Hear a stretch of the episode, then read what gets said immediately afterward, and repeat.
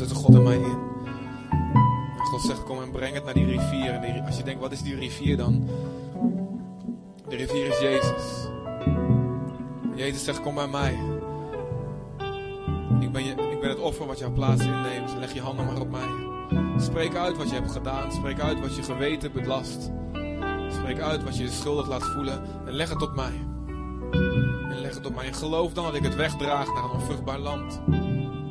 Geloof dan dat het nooit meer terug, terug zal komen. Dat je er nooit meer voor zal worden aangeklaagd. Omdat de bewijsstukken vernietigd zijn aan het kruis. Omdat ik het gedragen heb. En dat God er niet meer over spreekt. Dat hij het niet meer oprakelt. Niet meer die oude koe uit de sloot haalt. Want die oude koe voor eens en altijd vernietigd is kom bij hem. En als je zegt ik wil God dichtbij voelen en ik mis hem, spreek uit wat je gedaan hebt, beleid het naar hem toe. En leg het op Jezus en geloof dan.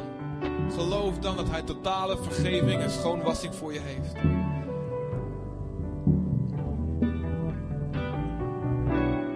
God wil een salving van blijdschap, een geest van blijdschap over jou uitstorten.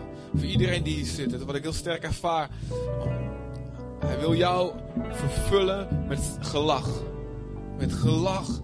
Niet een hypocriet gelach, niet een hyperig gelach. Niet iets wat opgewekt hoeft te worden door onszelf, maar iets wat van boven komt. Een blijdschap die komt omdat we weten, we staan recht voor God. We zijn schoon. We zijn geaccepteerd. Dus spreek uit wat je gedaan hebt. Psalm zegt, zolang ik zweeg, alsof mijn botten in me gewoon verbrijzeld werden, alsof mijn, mijn, ik weggedrukt werd onder die last. Spreek het uit, zegt God. Laat je trots los en zeg, herken het. Herken het. En God zegt, ik draag het weg. Jezus, ik draag het weg. Dan mogen we bekleed met hem de berg opgaan om hem te ontmoeten.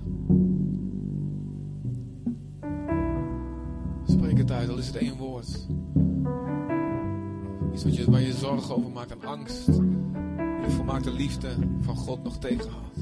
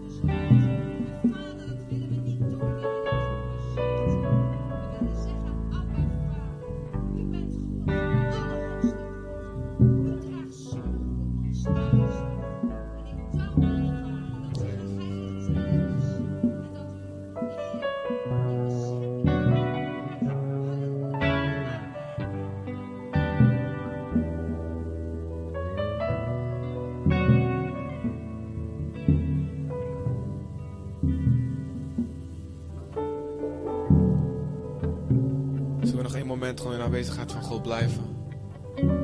Als je voelt dat je wil knielen, doe het gewoon. Als je voelt dat je wil zitten of je wil staan. Of...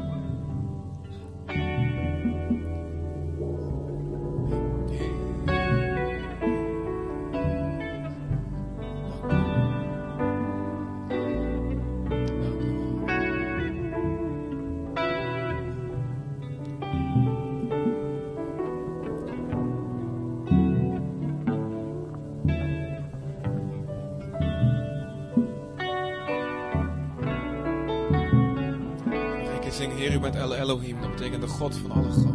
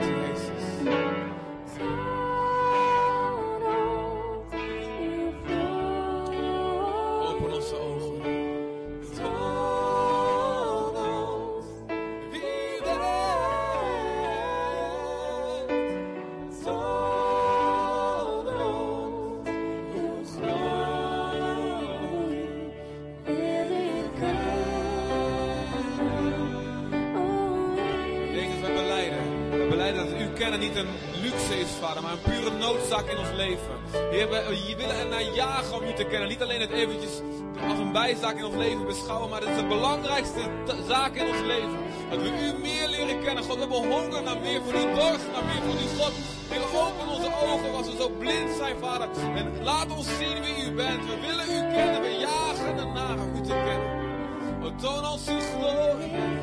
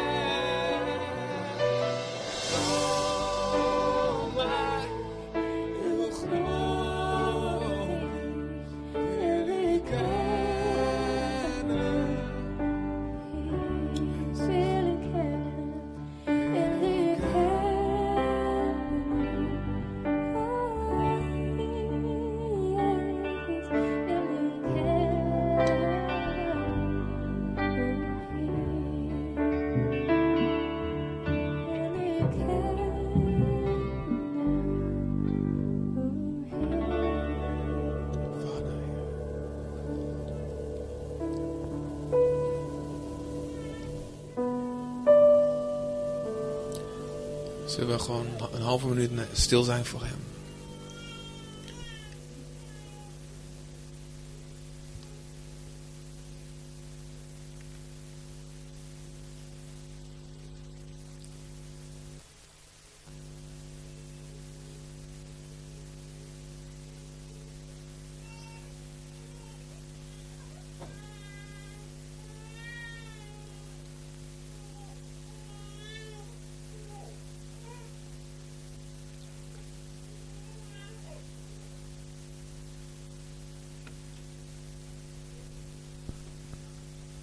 Dank u, Heer. U bent goed en als we vragen om u te leren kennen, dan gaat u dat doen. Zo simpel bent u. En omdat we bidden in Jezus' naam, niet in onze eigen naam, dan krijgen we niks mee. Maar met Jezus' naam krijgen we alles. Te gek, Heer. Dank u wel dat u ons uzelf laat kennen. Help ons om te herkennen wanneer het het moment is dat u iets laat zien van uzelf. Dat we niet gericht zijn op andere dingen dat we het missen. Heer, maar we willen u leren kennen. Heer, en hier zijn we vandaag in uw huis. We danken u voor uw woord, Heer. En er zit alles in wat we nodig hebben. En u zegt dat uw woord ons klaar kan maken voor elk goed werk. Voor alles wat u voor ons gepland heeft. Kunt u ons helemaal klaarmaken. God, we openen ons hart. We openen ons verstand, onze hele leven. En zeggen, kom maar hier met uw woord. We hebben het nodig. En we weten dat u een perfect woord voor ons heeft. U heeft al tot velen van ons al gesproken. En we hebben u al ontmoet, Heer. Ik dank u wel. Heer, dat ook uw woord recht gaat zetten wat krom is in ons leven. En dat u ons vol gaat maken, zodat we uit kunnen delen aan anderen van uw liefde. In Jezus' naam, Heer. Laat het zo zijn, Vader. Amen. Amen.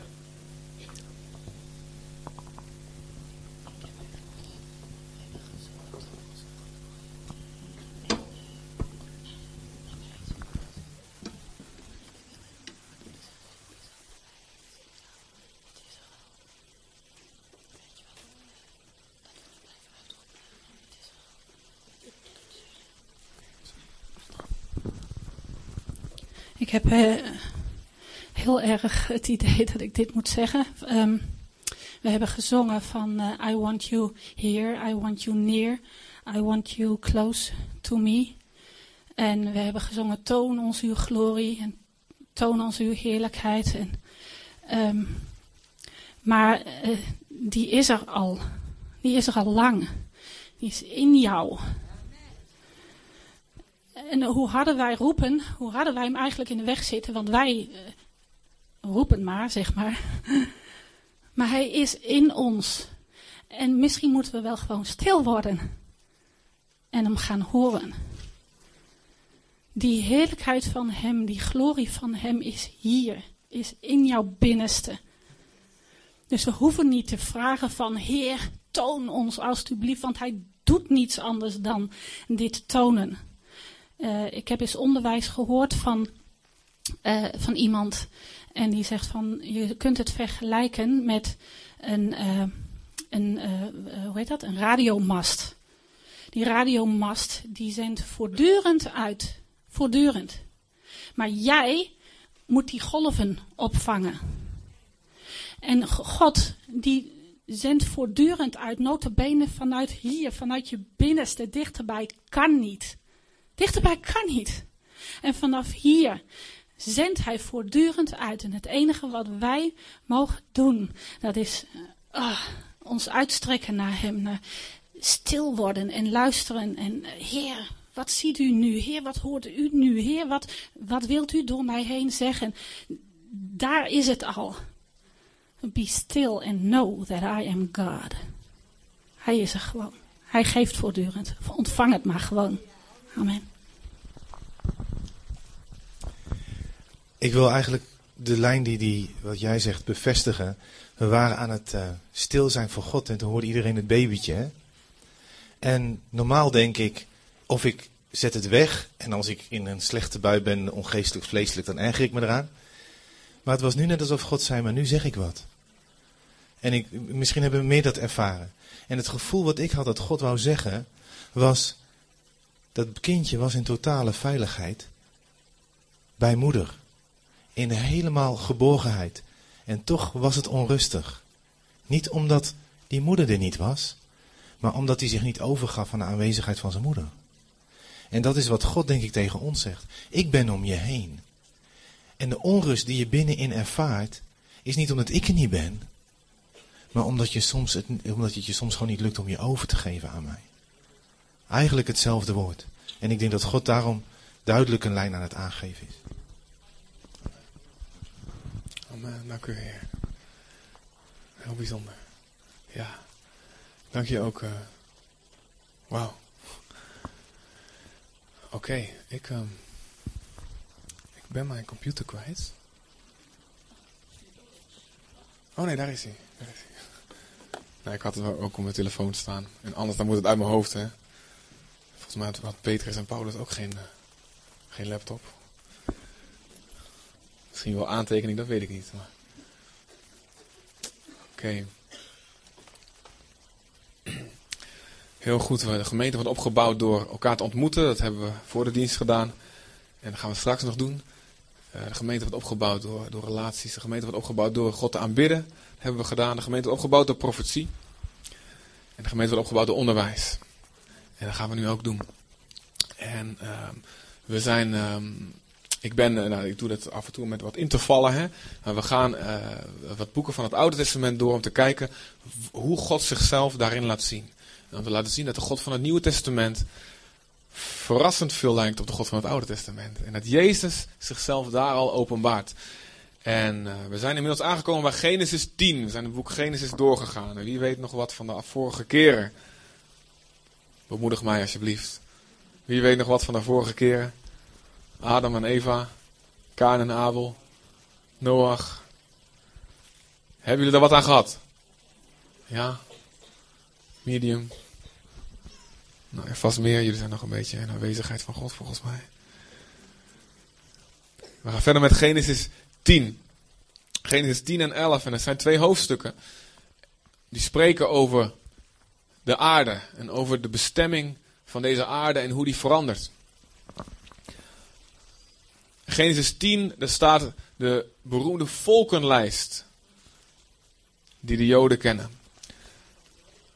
En eh, ik kan me voorstellen dat je die af en toe overslaat als je die leest. Wie heeft dat wel eens overgeslagen? Beleidjeszonde, wie heeft het overgeslagen? Uh, geslachtsregisters en alles. En al. Toch, is het, ehm, toch heeft God ze erin gezet met een reden. En uh, hij snapt ook, hij snapt dat best. Ik denk niet dat we meteen een bliksem op het hoofd krijgen als we die overslaan. Hè, want daar, zitten, sommigen van jullie zitten er nog. Maar het staat erin met een reden. God verspeelt geen ruimte in zijn boek. Als hij één boek kan geven waar de belangrijke dingen in staan voor ons, om hem te leren kennen en om ons doel te bereiken in ons leven, dan, dan denkt hij goed na over wat hij erin laat zetten. Dus die volkenlijst staat erin met een reden. En in Genesis 11 gaat het over de toren van Babel. Dat is een bekende verhaal.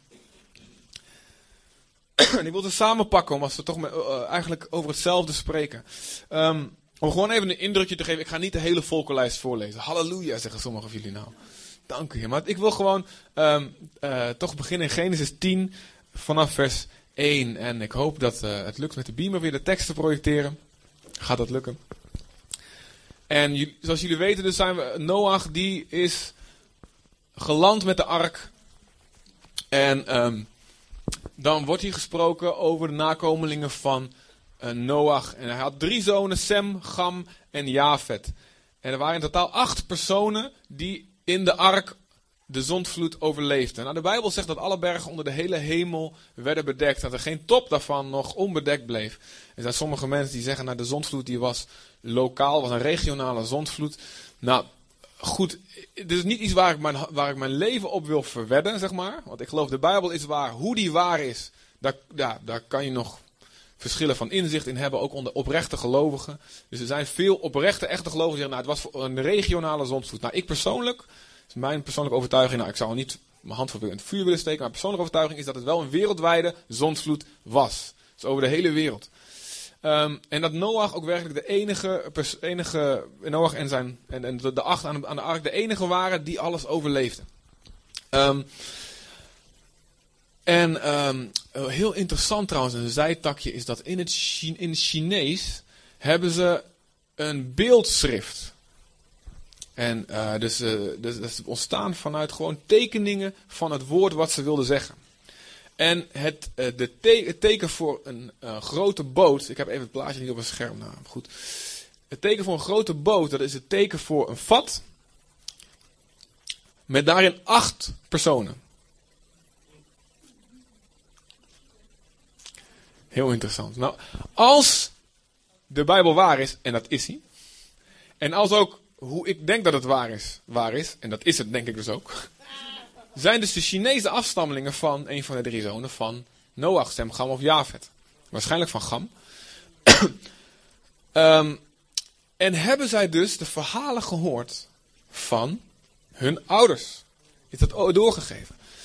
Het interessante is dat in het Chinees ook het teken voor verleiding, dat, het- dat het het teken is van een tuin.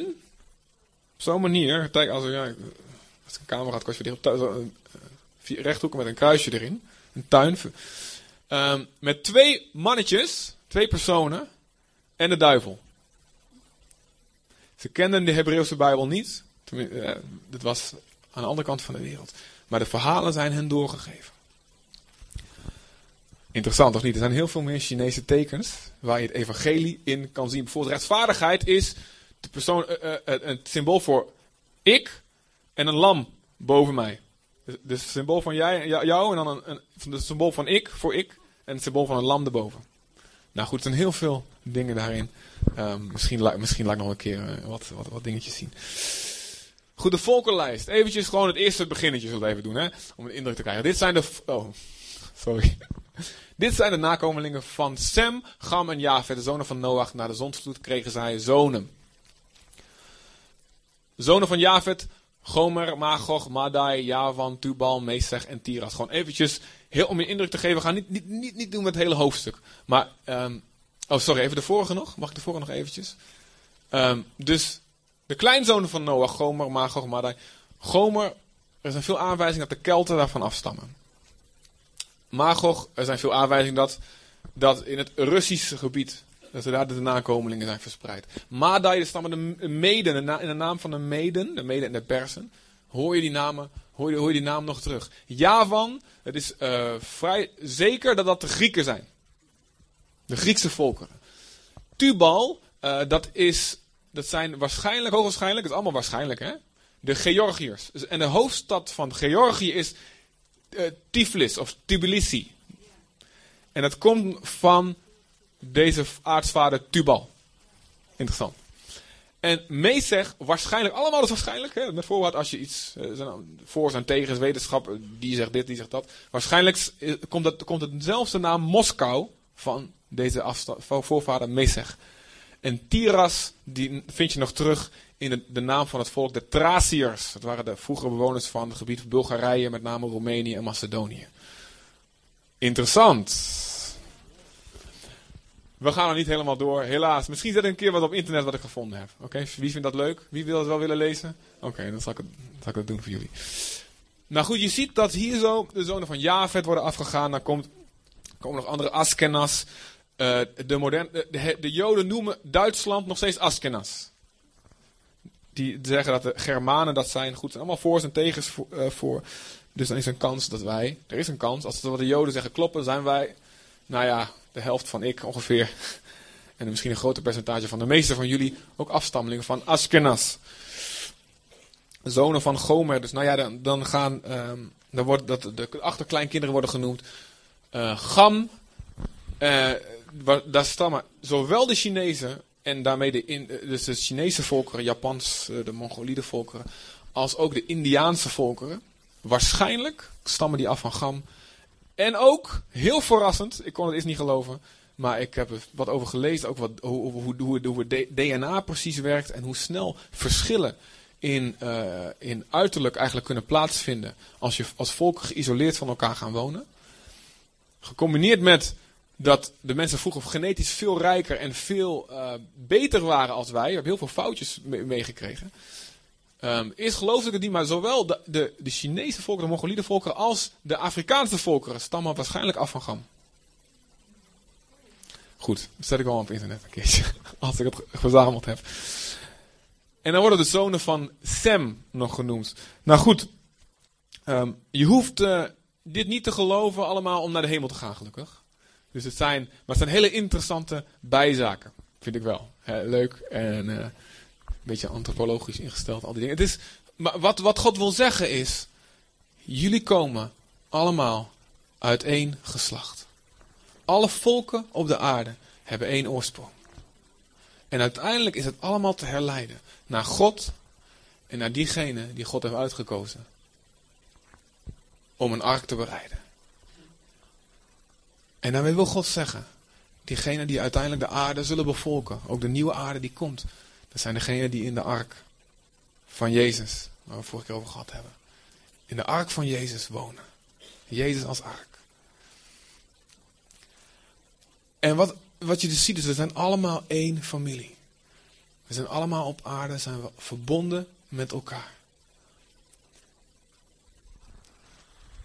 En die oorspronkelijke eenheid, daar is een verdeling in gekomen. Je ziet dat ehm, ergens in hoofdstuk 10 wordt een man beschreven en hij heet Peleg. Eh, eventjes zoeken, dat is in vers 25. In, in, staat er, in zijn tijd werd de aarde verdeeld. Staat daar in oh, Genesis 10 vers 25. In zijn tijd werd de aarde verdeeld. Dan kan dat twee dingen betekenen. Eh, het kan, het kan zelfs beide dingen betekenen. Het kan betekenen dat de toren van Babel, waarin de, aarde, de, volkeren verdeeld werden en zich gingen verspreiden over de aarde, dat het in zijn tijd plaatsvond. En dat, de, eh, dat, het, dat dus zijn naam eh, ja, een naam was die hij kreeg gedurende zijn leven, of als baby dat hij een profetische naam kreeg. In ieder geval, in zijn tijd werd de aarde verdeeld. Het kan ook betekenen dat in zijn tijd de continenten van elkaar gescheiden zijn. Goed, ga ik niet op in. Ik zie allemaal radertjes draaien. Heel leuk. En dan versluit het hoofdstuk 10 sluit af in vers 32. Dit waren de families die afstamden van de zonen van Noach, ingedeeld naar afkomst en volken. Van hen stammen de verschillende volken af die zich na de zonsvloed over de aarde hebben verspreid. En dan. ehm Oké, ik wil hier even stilstaan. We zijn allemaal één familie. Alle kleuren. Alle rassen. En het is heel erg in natuurlijk om dat te zeggen tegenwoordig. En maar goed ook, ben ik blij mee. Want er was een tijd dat dat heel anders was. En dat, het was een tijd dat jullie niet zouden luisteren naar een kleurling als ik. Tenminste, jullie, ik heb het over de blanke, het blankere deel van jullie. Ja, hey, die, die, die, eh, die man die moet in een eh, klapperboom moet die, eh, moet die land bewerken. Maar dank de Heer, het is mogelijk. En we zijn, ik zijn, we zijn blij met onze grondwet die zegt, discriminatie is verboden. Amen. Dat is van God. Komt van, van God. Maar wereldwijd is racisme nog een enorm probleem. Wereldwijd. Als je, in elk land, bijna in elk land zijn er, ik denk in elk land, ik heb niet alle landen nagegaan, maar ik denk in elk land zijn er problemen met racisme. Dat we elkaar op grond van ons uiterlijk veroordelen. Of op grond van geschiedenis veroordelen. En kijk eens in je eigen hart. Ik heb wat moeten overwinnen.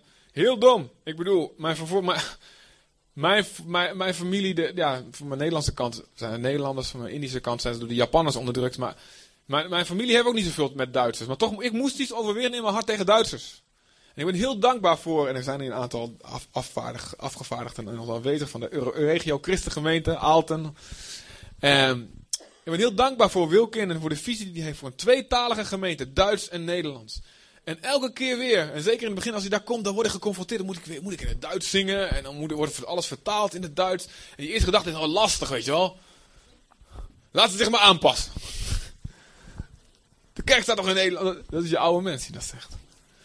En ik heb iets, en ik denk dat het rond het EK 1988 in mijn tienjarige hart gekomen is. Toen had je Harry Vermegen en Henk Spaan op de televisie. Wie weet nog wie dat zijn? Hè? Niemand. Ik kijk weer meer televisie dan de gemeente, dat gewoonlijk. En die hadden het altijd over de Duitsers en, en de moffen en dit en dat. En we gaan ze verslaan. En dan wonnen we ook nog van in de laatste minuut, 89 minuut, Marco van Basten. Wie weet, wie weet dat nog? Kom op, wie, weet, wie was daarbij? Wie leefde onder een rots in die tijd? Of wie was nog niet geboren? Oké. En dan had je iets van Duitsers. Ja, Duitsers. En geef me mijn fiets terug. Al die dingen kwamen we helemaal in. En God heeft me laten zien, dit is zonde. Ik moet me van bekeren van deze gedachten over Duitsers. Ik heb me ervan moeten bekeren van deze gedachten. Ja. En misschien heb jij, een keer, heb jij persoonlijk of in je familie, zijn er dingen gebeurd in een bepaalde bevolkingsgroep. En heb je in je hart nog een afkeer van al die mensen die, die er zo uitzien, of die zich op een bepaalde manier gedragen, die erop lijkt. En God laat je je zien, je bent allemaal echt. Af, afstammeling. Uit één bron. En Jezus die doorbreekt dat. De Joden die mochten zich ook niet vermengen met andere volken. was een opdracht van God. Omdat die volken afgoden dienden. Je ziet dat het wel gebeurt. En je ziet ook dat mannen van God, Mozes, dat een een Ethiopische vrouw had. Waar het om ging, het was de afgoderij zeg maar, die erbij kwam. Met het dienen van, van andere goden. En wat uiteindelijk ook de ondergang van Israël werd, omdat ze dat toch deden. Maar Jezus zegt, in mij wordt, wordt de wereld opnieuw één. En je ziet dat hij dat doet in Johannes 4. Dan gaat hij met een Samaritaanse vrouw zomaar in gesprek. En dan mochten de Joden helemaal niet bij komen, bij komen, niet mee praten. En hij doorbreekt die grens. En je ziet dat daarna de apostelen, alhoewel ze drie jaar met Jezus erop getrokken hebben en, en intens alles meegemaakt hebben, dat ook in hun gedachten nog heel hardnekkig die scheiding van de verschillende volken, dat racisme eigenlijk, ingebakken zat. En dat God Petrus echt over de streep moet trekken met flink wat visioenen en profeten en engelen en al die dingen, om uiteindelijk bij een Romein onder het dak te, binnen te gaan. En dat Paulus, de fanatiekste Jood die er was, uiteindelijk een apostel werd voor de heidenen, voor de onbesneden volken. En dan zie je dat het Gods bedoeling is om weer één te worden. Om weer één te worden in Hem.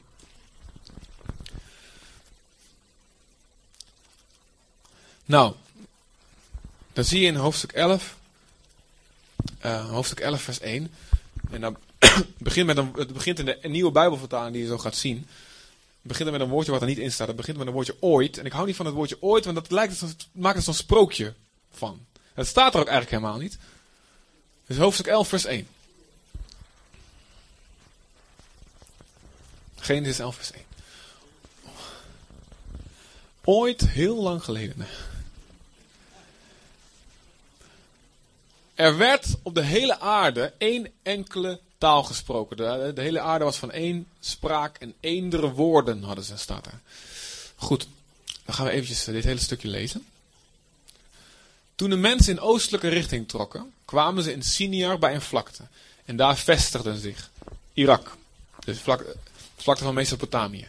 En ze zeiden tegen elkaar, laten we van kleiblokken vormen en die goed bakken in het vuur. De kleiblokken gebruikten ze als stenen en aardpek als specie, als, waar ze mee eh, metselden. Ze zeiden, laten we een stad bouwen met een toren die tot in de hemel reikt. Dat zal ons beroemd maken. Zo maken wij een naam voor onszelf, staat er letterlijk. En dan zullen we niet over de hele aarde verspreid raken. Dus let op, ze willen een toren bouwen die tot in de hemel reikt. Ze willen een naam maken voor zichzelf, beroemd worden, een naam maken voor zichzelf. En ze, ze willen niet verspreid raken. Vers 5. Maar toen daalde de Heer af om te kijken naar de stad en de toren die de mensen aan het bouwen waren. Kijk, God zag dat natuurlijk al lang, niet zodat hij het nog niet kon zien als hij boven was. Eh, Maar God- soms spreekt de Bijbel in vormen zodat wij het kunnen begrijpen. En God zei, dit is één volk. En ze spreken allemaal één en dezelfde taal, dacht de Heer. En wat ze nu doen, is nog maar, is nog maar het begin. Alles wat ze nu verder nog van plan zijn, ligt nu binnen hun bereik. Letterlijk staat er niets van wat zij zich bedenken te doen, zal voor hen onmogelijk zijn. Laten wij, interessant dat God die spreekt in wij. Laten wij naar hen toe gaan en spraakverwarring onder hen teweeg brengen, zodat ze elkaar niet meer verstaan. De Heer verspreidde hen vandaar over de hele aarde en de bouw van de stad werd gestaakt. Zo komt het dat de stad Babel heet. En dat woord betekent verwarring. Want daar bracht de Heer verwarring in de taal die op de hele aarde gesproken werd. En vandaar verspreidde hij de mensen over de hele aarde. Oké.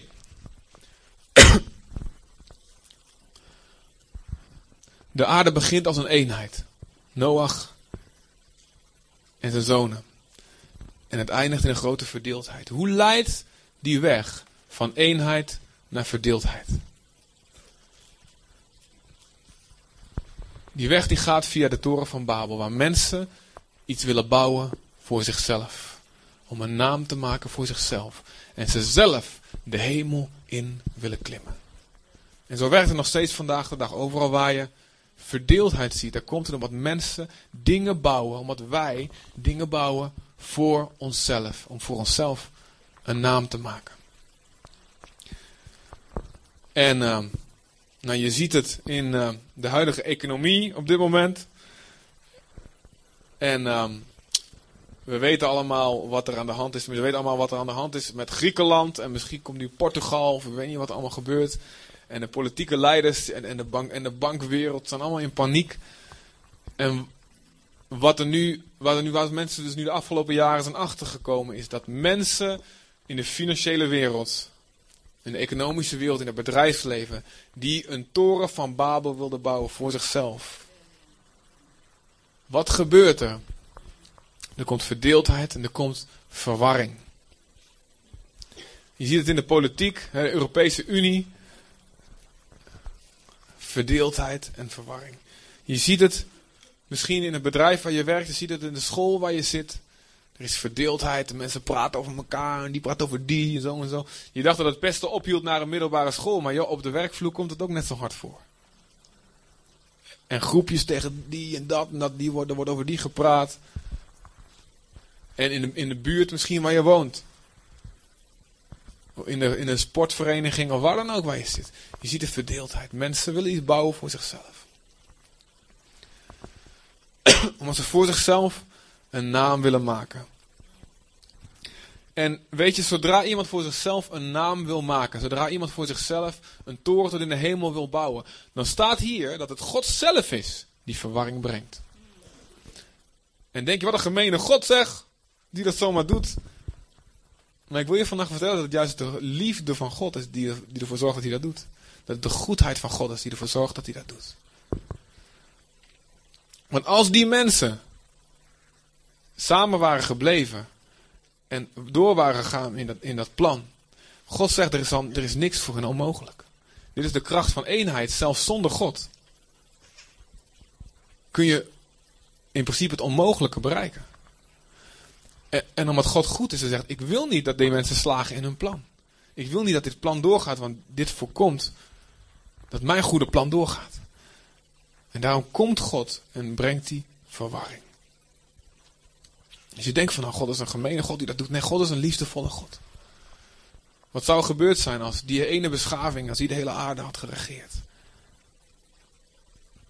God weet het. En staat in Jacobus 4, vers 6. God werkt de hoogmoedigen tegen. God keert zich tegen de hoogmoedigen. Maar de nederige geeft hij genade. Staat in Jacobus 3, vers 16. Daar staat: Overal waar zelfzucht is, daar komt ook wanorde en allerlei verkeerde praktijken. En in het einde van de tijd zal er een eenheid zijn in de politiek. Want er staat in Openbaring 13, vers 7. Staat dat alle landen in de wereld zullen hun autoriteit overdragen aan de antichrist, aan het beest. en, en er staat dat ze voor een tijd zelfs de heiligen zullen overwinnen.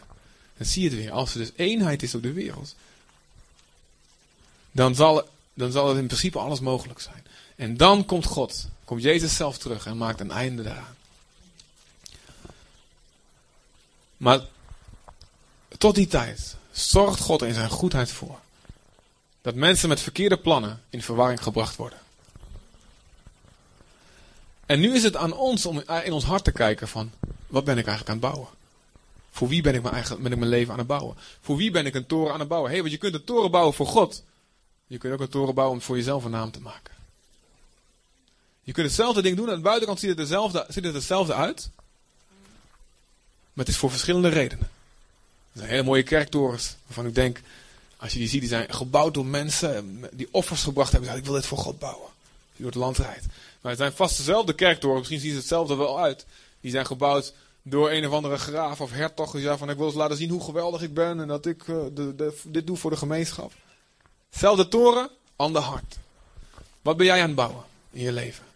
Waarom doe je de opleiding die je doet? Waarom doe je het werk wat je doet? Waarom verdien je het geld wat je verdient? Waarom bouw je zelfs aan je eigen ontwikkeling? Waarom zoek je daarin iets voor jezelf? Of bouw je de stad van God?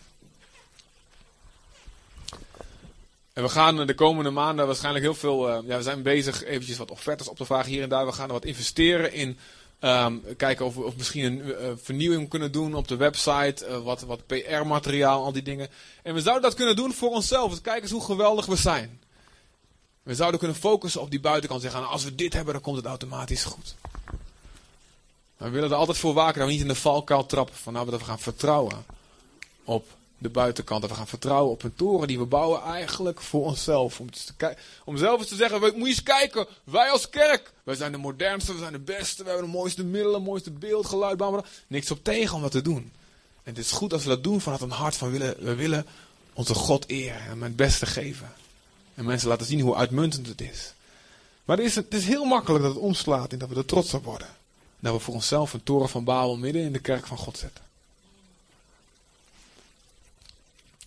David wilde een tempel bouwen voor God. En God had het helemaal niet gevraagd. En um, God had helemaal niet gevraagd, maar het was in zijn hart. Zei, ik woon in een mooi paleis en moet God dan in zo'n tentje wonen? En God antwoordde van, joh, ik, ik, heb het nooit, ik heb nooit de opdracht gegeven om een tempel te bouwen. Maar weet je wat, ik vind het zo mooi dat het in jouw hart is. Doe maar. Ga er maar voor. Hij mocht het uiteindelijk zelf niet bouwen. Zijn zoon maakte, die maakte het voor af. Hij maakte alle plannen. En er stond een ontzettend mooie tempel. En David deed dat uit een puur en zuiver hart voor God. Maar generaties daarna waren er mensen die zeiden van, joh, ik, maakt niet uit wat voor fouten, wat, maakt niet uit wat ik, wat ik, uh, wat ik, hoe ik vandaag mijn vrouw behandeld heb. Maakt niet uit of ik van die armen dat stuk grond gejat heb. Maakt niet uit of ik mijn slaven en mijn dieren slecht behandel. Maakt niet uit of, ik, of, ik, of mijn hart helemaal niet gericht is op God. Als ik maar in de tempel ben, dan ben ik veilig. Ze gingen vertrouwen op die buitenkant. En God zegt, joh, vertrouw niet op die tempel. Vertrouw niet op die buitenkant. Vertrouw niet op wat jij voor mij gebouwd hebt. Ook al is dat goed begonnen. Maar richt je hart op mij. En bouw wat je bouwt. Want we zijn allemaal geroepen om iets te bouwen in ons leven. Bouw wat je bouwt voor mijn eer. En hou je hart schoon van verlangens om dingen voor jezelf te bouwen.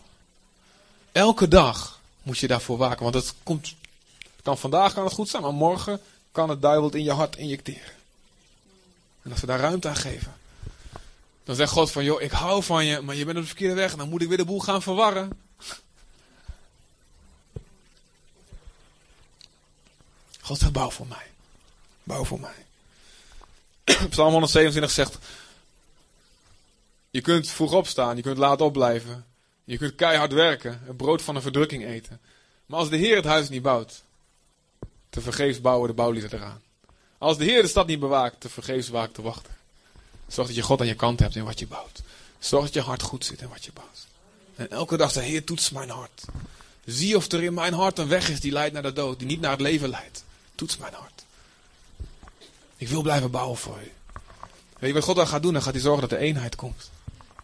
Gaat hij, dan gaat hij zorgen dat er geen verwarring ontstaat. En dan gaat hij dat werk zegenen, want hij zegt, dit is tot mijn eer.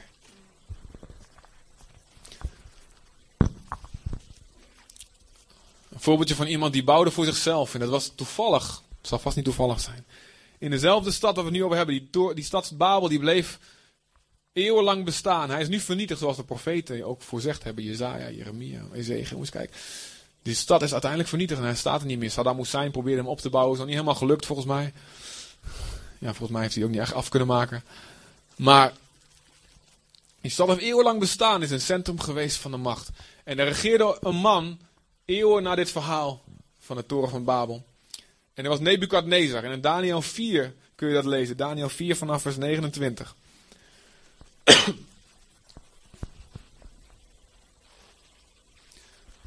Daniel 4 vanaf vers 29. Nebukadnezar, de koning van Babel. Ehm Oeh, hey. Dat is een ander vers dan ik. Andere die ik bedoel. Even kijken. 4, 29. Mhm. Doe maar vanaf vers 25. Nee, vanaf vers 26. Ja, sorry. 26. Twaalf maanden later, toen de koning op het dak van het koninklijk paleis van Babel liep te wandelen, zei hij: Is Babel niet indrukwekkend, de koningsstad die ik door mijn grote macht heb gebouwd, tot eer van mijn majesteit? De koning had deze woorden nog niet gesproken of er klonk een stem uit de hemel. Wauw. Dit wordt u aangekondigd, koning Nebukadnezar. Het koningschap is u ontnomen. U wordt verstoten door de mensen, u zult leven onder de dieren van het veld en u zult gras eten als de runderen. Zo zullen zeven jaren voorbij gaan, totdat u erkent dat de hoogste God boven het, boven het koningschap van de mensen staat. En dat hij bepaalt aan wie hij het verleent. En op hetzelfde ogenblik werd het vonnis over Nebukadnezar voltrokken. Hij werd door de mensen verstoten. Hij at gras als de runderen. Cool. Zijn lichaam werd vochtig van de dauw van de hemel. En tenslotte was zijn haar even lang als de veren van een arend. En waren zijn nagels uitgegroeid als de klauwen van een vogel. Geen nagelknippertje meegebracht. Maar toen de zeven jaren verstreken waren, sloeg ik, hij schrijft het zelf, dus, Nebukadnezar mijn ogen naar de hemel op en keerde mijn verstand in mij terug. En ik prees de hoogste God. De koning, gaat God prijzen. wa- Waarom hij kijkt naar de hemel. In dezelfde stad had hij ook een toren opgericht. Dit is voor mij, moet je kijken, dit heb ik allemaal gedaan. Ik heb ervoor gezorgd dat dit staat. Ik heb, dit is mijn project. Ba, ba, ba, ba. En hij vergat God te danken. Hij, vergat, hij had niet door. Dat wat hij gebouwd had in zijn leven, dat het door de goedheid van God was. Dat God het hem gegeven had. Dat hij, had hij anders helemaal niet in staat, was anders helemaal niet geboren was, joh. En tot, tot hij erkende, dit is, het is God die dit gedaan heeft. Was hij verstoten.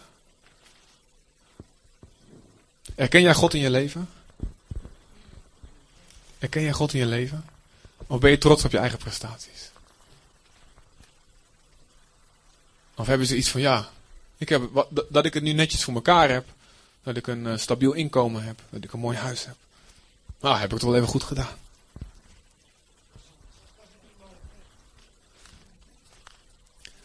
En God wil hiermee zeggen, joh, ik hou ervan om je te zegenen. Ik hou ervan om te zegenen wat je bouwt. Echt. En er staat, de God verheugt zich in de voorspoed van zijn knecht, zegt de psalmen. Het is niet zo dat hij denkt van, oh, het gaat goed met een balen, weet je wel, wat kan ik gaan doen? Nee, hij houdt ervan. Als een goede vader, hij weet goede gaven te geven aan zijn kinderen. Maar belangrijker dan dat, het, dan dat we het materieel goed hebben, of dat de dingen stabiel gaan, vindt hij dat het ook met ons hart goed gaat. Dus als wij er nou voor zorgen dat we ons hart dankbaar en op hem gericht houden. Dan hoeft hij onze toren van Babel niet te komen verwarren. En spraakverwarring te brengen. Dan kan hij ons genade blijven geven. Omdat we nederig blijven, zelfs als het ons goed gaat. Dan hebben we geen slechte tijd nodig om, het ons, goed, om, ons, om ons hart te houden. Dat betekent niet dat als het je slecht gaat, dat het automatisch komt dat, je, God je een lesje wil leren. Dat zeg ik ook niet. Dat zegt de Bijbel ook heel duidelijk niet. Maar de les die we hieruit leren is, joh, als je bouwt voor jezelf. Dan zegt God, hé, hey, ik wil omdat ik van je hou, wil ik je hart veranderen. En ik doe wat en ik sticht eventueel verwarring als dat nodig is. En ik heb wel eens zo gedacht van, joh, ehm, kijk, ik, ik, ik, kwam, ik kwam tot geloof. Eh, Ik was 18 jaar. En ik eh, begon God te gehoorzamen. En ik voor mij was het gewoon normaal. Ik deed het uit liefde voor hem. Ik begon Bijbel te lezen. En ik begon te bidden. En ik begon te evangeliseren. Gewoon omdat ik, hou, ik van, van hem hield. En omdat ik van mensen hield met goede motieven. Maar al gauw kwam mijn oude mens in een nieuwe vorm terug. En die begon te zeggen. Kijk, jij bent aan het bidden. Jij leest de Bijbel. Jij evangeliseert. Jij doet dit en dat. Kijk, al die christenen die dat allemaal niet doen. Stelletje lauwe christenen. Ze zijn helemaal niet zo radicaal als ik. Ze zijn helemaal niet zo toegewijd als ik. Mijn oude mens kwam in een nieuwe vorm kwam hier terug. En ik begon mezelf te verheffen. En dan niet meer op grond van wat ik vroeger deed, maar op grond van geestelijke dingen. Kijk eens. Nou, hij heeft God zijn goede methode om, dat, eh, om mij dat af te leren. En dat heeft hij gelukkig gedaan. En ik hoop dat het zo blijft. en dat het niet meer... Maar ik heb op een gegeven moment ingezien. En ik kwam, het kwam doordat ik de Bijbel las. Psalm 119. Daar ben ik heel blij mee. Dat de Bijbel me corrigeert. Psalm 119 stond, zegt, zegt, David. God geef mij genade. Zodat ik kan doen wat u zegt. En toen ging ik er nadenken. Wat is dat voor iets geks? Ik kan toch gewoon zelf doen wat hij zegt of niet? Ja, toch? Dat, dat is toch. Heb ik dus genade nodig om te kunnen doen wat hij zegt? En nog over na te denken, wat is dat nou? Dus, dat ik doe wat ik. Dat ik, dat ik, dat ik doe, luister naar God. En dat ik al die radicale, toegewijde, ja, fundamentalistische goede dingen doe. Daar heb ik dus niet aan mezelf te danken. Maar dat komt omdat hij, me, omdat hij dat in me doet. En toen kroop ik van mijn troon en toen, en er was een stukje van onze vader wat ik nooit snapte. Leid ons niet in verzoeking, maar verlos ons van de boze. Dat stukje snapte ik niet. Ik zei, ja, kom op, jouw verzoeking, dat heb je toch zelf in je hand. Je moet gewoon nee zeggen en alles. En, dan, en maar ergens anders zegt Jezus, aan het einde van de tijd komt er verdrukking die zal zo zwaar zijn, dat als God de tijd niet inkort, zullen zelfs de uitverkorenen het niet halen en gaan zondigen. En God gaan verloochenen. Dat is gek. Ik dacht altijd, dat overkomt mij niet. Ik voel me net zo'n Petrus. Al zal iedereen die verlaten, ik nooit. En Petrus kwam erachter. Je hebt ook een breekpunt. Ook jij hebt een breekpunt. En toen besefte ik, ook ik heb een breekpunt. Ik kan wel heel stoer zeggen, ik zal God nooit verlaten. Ik zal nooit de eeuw, mijn eeuwige leven inruilen voor een tijdelijke zonde. Maar ook ik heb een prijs. Ik kan, ook ik kan gekocht worden misschien. Vraag toch wel eens van voor hoeveel miljoen zou jij naakt in de Playboy staan? Ja, dat zou ik dan misschien niet doen, maar ja. Alhoewel, 10 miljard, dan kan ik het aan de Heer geven. Ja.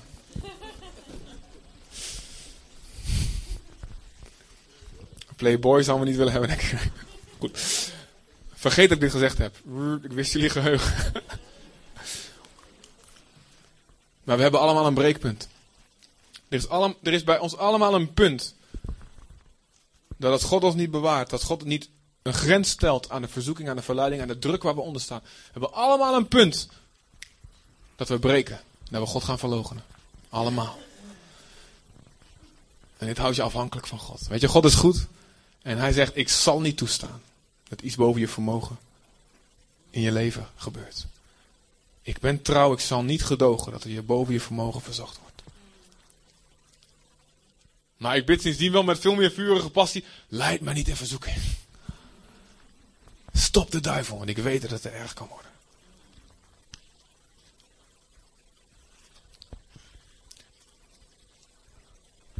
Dus hoe kijken wij naar onszelf? En hoe kijken we naar andere kerken? Kerken die misschien niks weten van de Heilige Geest. Kerken die misschien nog een beetje anders tegenover de Bijbel aankijken. Nou, de... Luister, ik zeg niet dat we de waarheid moeten loslaten en zeggen het is allemaal gelijk. Dat is onzin. Hè, de die wat God zegt, dat mogen we zeggen, mogen we vrijmoedig zeggen. Maar verheffen wij onszelf stiekem boven die andere mensen en zeggen we dat is. Ik ben veel heiliger dan die en die. Als je beseft dat alles de genade van God is, dan ga je zelfs mensen die nog niet helemaal snappen volgens jouw gedachten, volgens jouw theologie, ga je ze liefhebben, ga je ze dienen, ga je voor ze bidden. Laten we nooit zo exclusief worden, zeggen wij zijn. En niemand anders. Hoogmoed komt voor de val. Een Bijbelspreekwoord, Spreuken 16, vers 18. Waar hoogmoed is, daar komt uiteindelijk verdeeldheid. Partijvorming, rebellie, eigen wijsheid, opstand tegen leiderschap van God, van mensen. En dan gaan we twee